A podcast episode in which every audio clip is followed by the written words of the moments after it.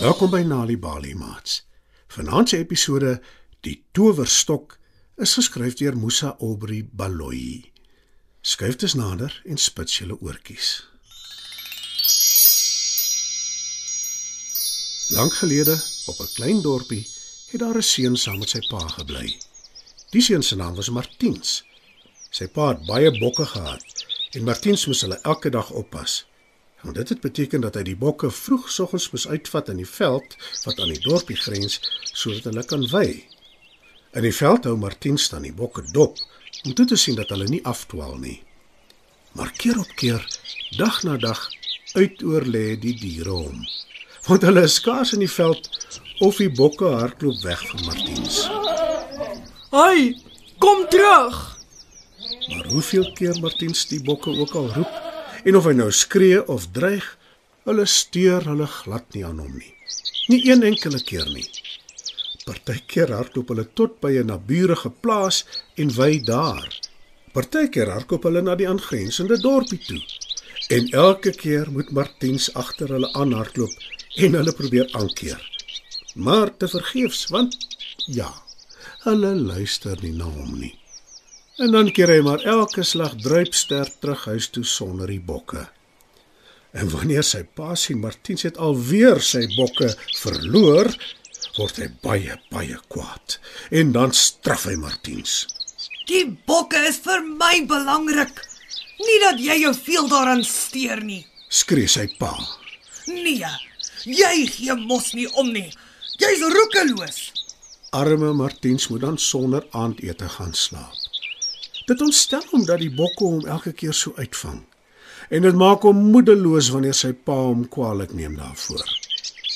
Eintlik voel die seun die meeste van die tyd magteloos, want hoe hy ook al probeer, hy kan niks aan die situasie verander nie. Op 'n dag, toe dit weer gebeur en hy besonder moedeloos is, loop hy 'n ent weg van hulle huis af en gesit onder 'n boom en huil van pure frustrasie. Skielik word Martiens bewus daarvan dat iemand hom dophou. En toe hy opkyk, sien hy 'n vreemde ou man voor hom staan. Die man kyk simpatiek na hom en vra: Wat is verkeerd, liewe kind? Hoekom huil jy? Martiens vee sy trane af en sê: Dis die bokke. My pa se bokke wat ek moet oppas. Hulle wil nie na my luister nie. Hulle hardloop gedurig vir my weg. En dan is ek elke keer in die moeilikheid wanneer ek by die huis kom. Die ou man voel baie jammer vir die seun en hy sê: Kom, volg my. Die man lei die seun weg en na 'n ruk gaan staan hy voor 'n vreemde huis wat van blare gemaak is. Martin staar verbaas daarna. Die man vra Martiens om vir hom te wag en hy verdwyn in die huis in.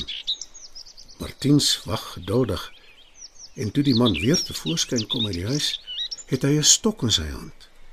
Dis nie baie groot nie en dis pragtig glad. Hy oorhandig die stok aan die seun en sê: Vat hierdie stok. En wanneer jy iets nodig het, tik daarmee teen die palm van jou hand. Dan vra jy die stok wat jy wil hê en jou wens sal bewaarheid word. Baie, baie dankie. Roep Martiens verheug uit en hy vat die stok by die ou man. Hy is baie dankbaar vir die hulp, maar hy wonder tog hoe so 'n klein stok wense kan laat waar word en hoe dit hom sal help om die bokke na hom te laat luister. Onthou net een ding. Wat jy ook al doen, moet nooit die stok op die grond neersit nie. Waarsku die ou man en voeg by: Elke aand, wanneer jy die bokke in hulle kraal toegemaak het, dan bind jy die stok aan een van die kraal se pale vas. En elke oggend, net voordat jy hulle uitvat veld toe, tik jy met die stok teen jou handpalm wanneer jy hulle roep.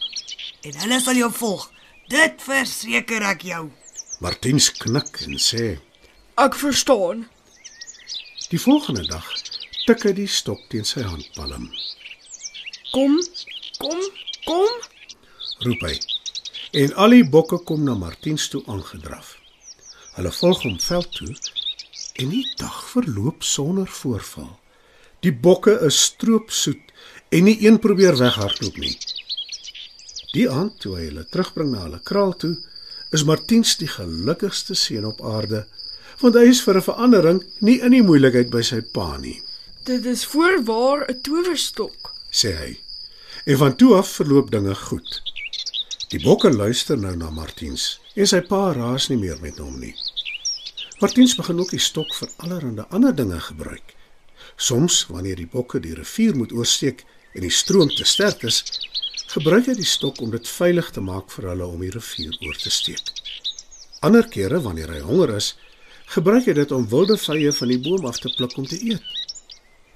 Maar toe op 'n dag is daar gevaar. Want skielik brul daar 'n leeu. Martin skrik groot toe hy sien hoe die uitsluike dier deur die lang gras aangesluip kom. En hy weet sommer dadelik die leeu is van plan om een van die bokke te vang en op te vreet. Hy hou die stok styf vas, wys daarmee in die rigting van die bokke en roep. Hardloop, gou, krol toe. Die bokke laat spander, maar die leeu het Martiens intussen gewaar en kom na hom toe aangehardloop. Help, help. roep Martiens en hy klim so vinnig as wat hy kan in die naaste boom.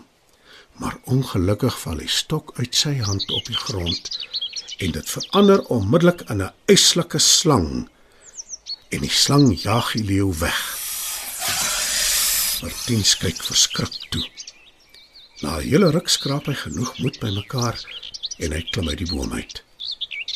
Die leeu en die slang het intussen verdwyn. Hy soek oral na die stok, maar hy kry dit nêrens nie. Miskien is die stok saam met die bokke terug kraal toe. Sê hy hoopvol vir homself en hy begin huis toe draf. Maar die stok is nie daar nie. En die bokke ook nie, Die ou man, dalk het hy die stok. dink Martiens. En hy draf na die blaarhuis toe. Maar beide die huis en die ou man het intussen spoorloos verdwyn. Wat maak ek nou? En wat sê ek vir my pa wanneer hy agterkom die bokke is alweer weg? Hy gaan woedend wees, soos in die verlede. Ag tog, kan ek nie maar net die towerstok terugkry nie? Of dan nou net liewer self ook verdwyn, net die stok. Sug Martiens en stap met 'n swaar gemoed terug huis toe. Toe hy by die kraal aankom, sien hy daar is wel 'n paar bokke, maar die res is steeds skoonveld. En toe sien Martiens sy pa na hom toe aangehardloop kom. Nou is ek in die moeilikheid. Sug hy. Toe sy pa by hom is, pleit hy: Pa, ek is jammer. Ek het weer die bokke verloor. Moenie kwaad wees nie, asseblief. Maar in plaas daarvan om kwaad te wees en met hom te raas, omhels sy pa hom en sê: Ek is so dankbaar jy is veilig. Ek het gehoor 'n leeu het jou aangeval en dit het my groot laat skrik. Want jy, Martiens, is vir my belangriker as al die bokke in die wêreld. Volgende dag bind Martiens se pa 'n klok om die voorbok se nek. En hy en Martiens leer saam die bokke om die voorbok en die geluid van die klok te volg. En na die dag verloor Martiens nooit weer een van sy pa se bokke nie. Mats, dit was nog 'n aanbieding van Nali Bali Storytyd. Die titel van vanaand se storie was Die Towerstok, geskryf deur Musa Aubrey Baloyi. Het jy geweet dat om tuis vir kinders stories voor te lees en te vertel, hulle kan help om beter te doen op skool? As jy gratis stories wil hê om vir jou kinders voor te lees of stories wat jou kinders self kan lees, besoek die Nali Bali webwerf www.nalibali.org of die Mobi werf www.nalibali.mobi. Daar sal jy stories kry in 11 amptelike tale, asook wenke hoe om stories vir kinders voor te lees en met hulle te deel sodat hulle hulle volle potensiaal kan bereik. Hou ook koerante dop vir die tweetalige Nali Bali lees vir genot bylaag waarin daar wonderlike kinderstories en aktiwiteite is. Nali Bali. Dit begin met 'n storie.